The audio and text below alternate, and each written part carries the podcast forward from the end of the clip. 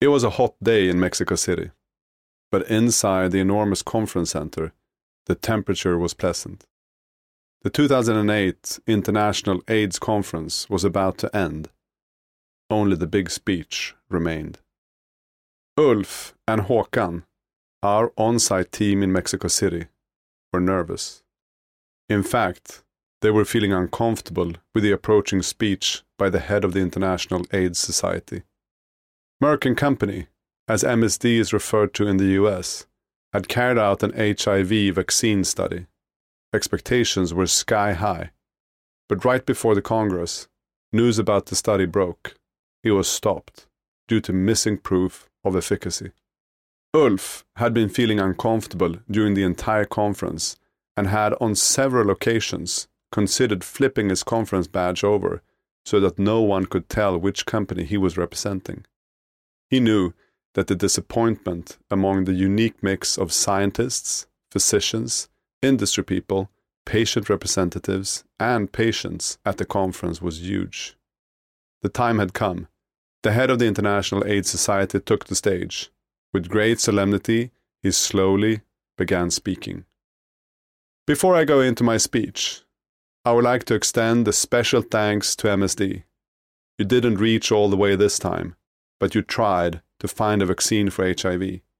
Please continue. Don't stop. Thank you for trying, and thank you for sharing the results of the study. Standing ovations erupted among the roughly 10,000 people in the audience. Ulf and Håkan looked at each other in complete confusion. They couldn't believe what had just happened. Everything that they were not expecting. A moment of pride. It took several years before I fully understood why this moment was so important. It is also an important part of why I passionately believe in research based enterprising and the importance of long term collaborations. The HIV journey has been dramatic, from literally a death sentence in the 1980s with no available treatment, until today, where it's still a very serious disease, but a treatable one and something many people age and live a long life with. Our journey has not ended. What drives us is continuing to work with preventative treatment and ending the still ongoing global HIV and AIDS epidemic. Then, as well as now, in tight collaboration with academia and the healthcare system.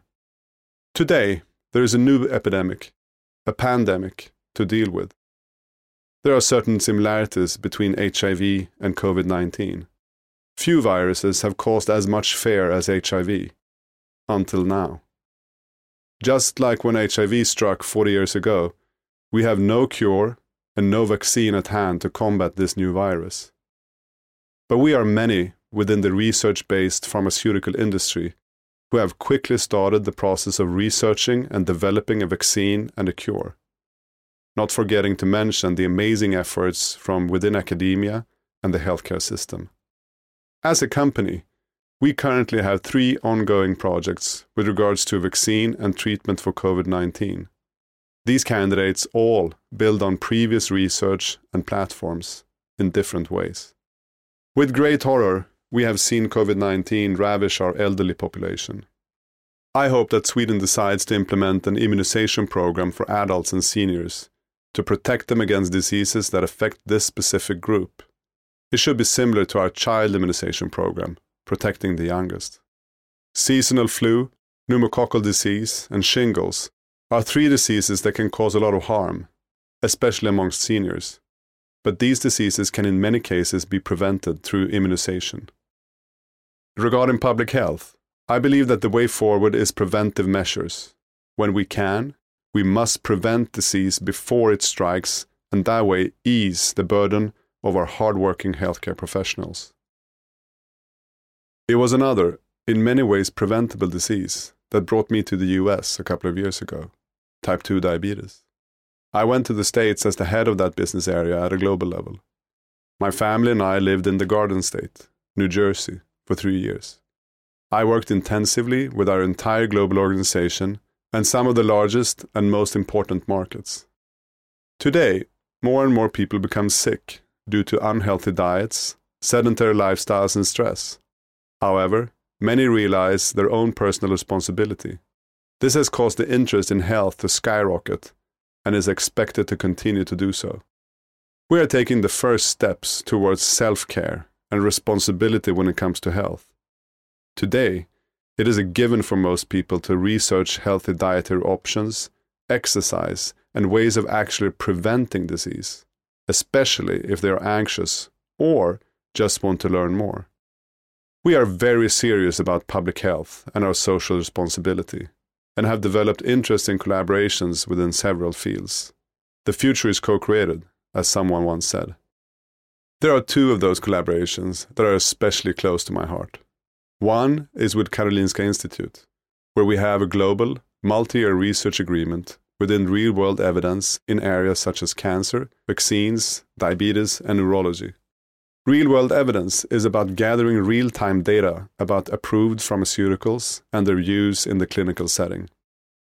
The other collaboration I would like to mention is with Microsoft in the Nordics and Baltics.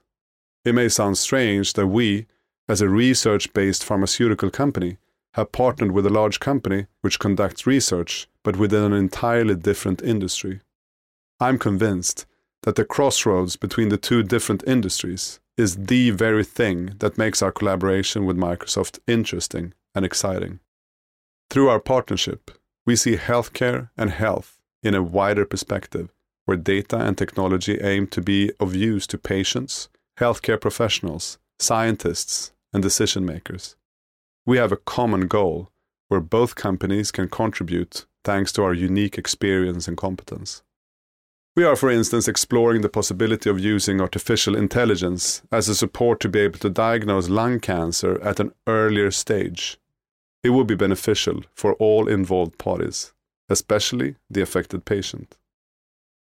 Healthcare is rapidly changing today but not everyone is able to benefit from it due to regional differences or unequal care. There are bottlenecks along the way, and our collaboration aims to eliminate those obstacles. My years in the US made me reflect on the advantages and disadvantages of Sweden. We are a small nation, which is both an opportunity and a challenge. I've always been fascinated by the formation of the state and the idea behind the country that the US is built upon. But what is happening right now is in many ways terrible and concerning. It could have been me, is a strong statement from our CEO, Ken Frazier, who has received a lot of attention in connection with the events surrounding George Floyd. Their healthcare system also has many challenges. On a personal level, I appreciated how straightforward Americans are. To a Swede, the difference can be quite extreme.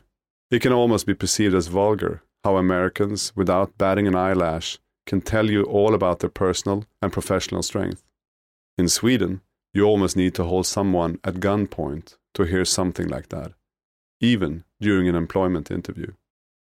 The US and Sweden differ in many ways when it comes to work life balance. We had a neighbor who worked on Wall Street. I think I saw him perhaps three times in three years in spite of our kids playing together almost every day.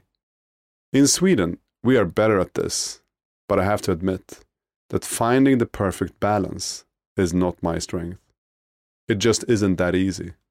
But it did get a little bit easier after I read an interview with Johanna Adami, the president of Sophiahemmet University College. She stated that the worst expression that she knew was completing the work life puzzle as if people really believed all the pieces would actually fit together. I think it is worth considering. Thank you, Johanna. Another thing that I've been thinking about is the American small talk. I like it because it actually fills a function. In the US, it is easy to make new acquaintances. You can even start talking to somebody at the supermarket without being considered crazy. The world suddenly feels a little warmer and more welcoming by actually saying hello and asking how someone is doing. But I always laugh when I think about those early days when I actually stopped and tried to answer the question, How are you? only to realize that the person asking was already 50 meters away. I mean, we're not exactly meant to reveal every single detail about how we're doing, but rather just respond with, I'm good, and you? And then move on. But something that the US doesn't have other than the so called Swedish seriousness, is the incredibly beautiful Swedish archipelago. I miss the archipelago a lot during my years in the US. I spent summers with my family at our summer house somewhere between Sollenkroka and Möja, the best part, at least of the Stockholm archipelago.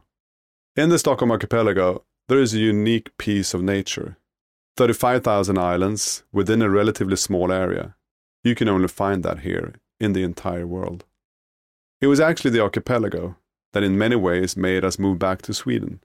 The archipelago and an offer I couldn't resist. But enough about the archipelago. During the spring of 2019, I was asked to lead MSD in the Nordic and Baltic countries. The position is based in Stockholm, at our office located in the booming life science cluster of Hagastaden, next door to the Karolinska Hospital and the Karolinska Institute, and many other big and small life science companies. Suddenly, I was back at the office I once helped build as the Swedish CEO, but this time with completely different assignments and challenges. My strong driving force now is that we need to continue investing in life science. To us, both the digital qualifications and research resources these countries have to offer are important. The resources I'm especially thinking of include system structure, technical competence, assets like quality registries and health data, as well as a forward thinking mentality. The Nordic and Baltics represent the 11th largest economy in the world, and the countries are actively interested in the collaboration between academia, healthcare, business and politics. It gives us an opportunity to test new collaboration models so that we quickly can offer patients access to new treatments. Eventually, I believe such collaborations will benefit research and increase our clinical trial investment in the region. To those of you who are not involved in the pharmaceutical industry, a clinical trial is an amazing opportunity for patients to take part in cutting edge research and new potential methods of treatment. I feel great pride when I think about my company's more than 125 years of research and development. Our focus for the last century has been to develop drugs and vaccines to treat and cure patients affected by some of the most severe and challenging diseases in the world. A cancer diagnosis changes life. That's just how it is. Many people talk about life before and after finding out they have cancer. The good news is that during the last few decades, cancer survival has increased significantly. Now, a cancer diagnosis is not an automatic death sentence. Today, it is possible to treat and live with cancer for a long time. Does it sound familiar? Just like with HIV, those of us working within the field are about to turn a deadly disease into one that you can live and age with. We are far from there yet. But progress provides energy research and development is pushing us forward towards new and innovative treatment options. And just like the example from Mexico City, the road to victory will be lined with both success and failure. But failure is part of the journey. When it comes to new treatment options for cancer, there is something called immunotherapy. Immunotherapy activates the patient's own immune system in order to more effectively combat cancer cells. In 2018, the Nobel Prize in Medicine was given to the two scientists who made the discovery that is the foundation of immunotherapy today. Their research has contributed to prolonging and improving life for many patients with advanced cancer. The best thing, I think, is if we can prevent cancer and disease. We all benefit from that in the long run. To decrease suffering of the individual and to save societal costs due to hospital stays and extensive care. An important example is our vaccine that protects against HPV. The human papillomavirus can cause cancer in the more private parts of the body in both women and men. This year in Sweden, boys will for the first time be offered HPV vaccination within the child immunization program. This is great news because men are also affected by HPV, and by protecting them, we provide additional protection to women. We strive for herd immunity and to remove HPV from circulating in our society. But back to those affected by cancer.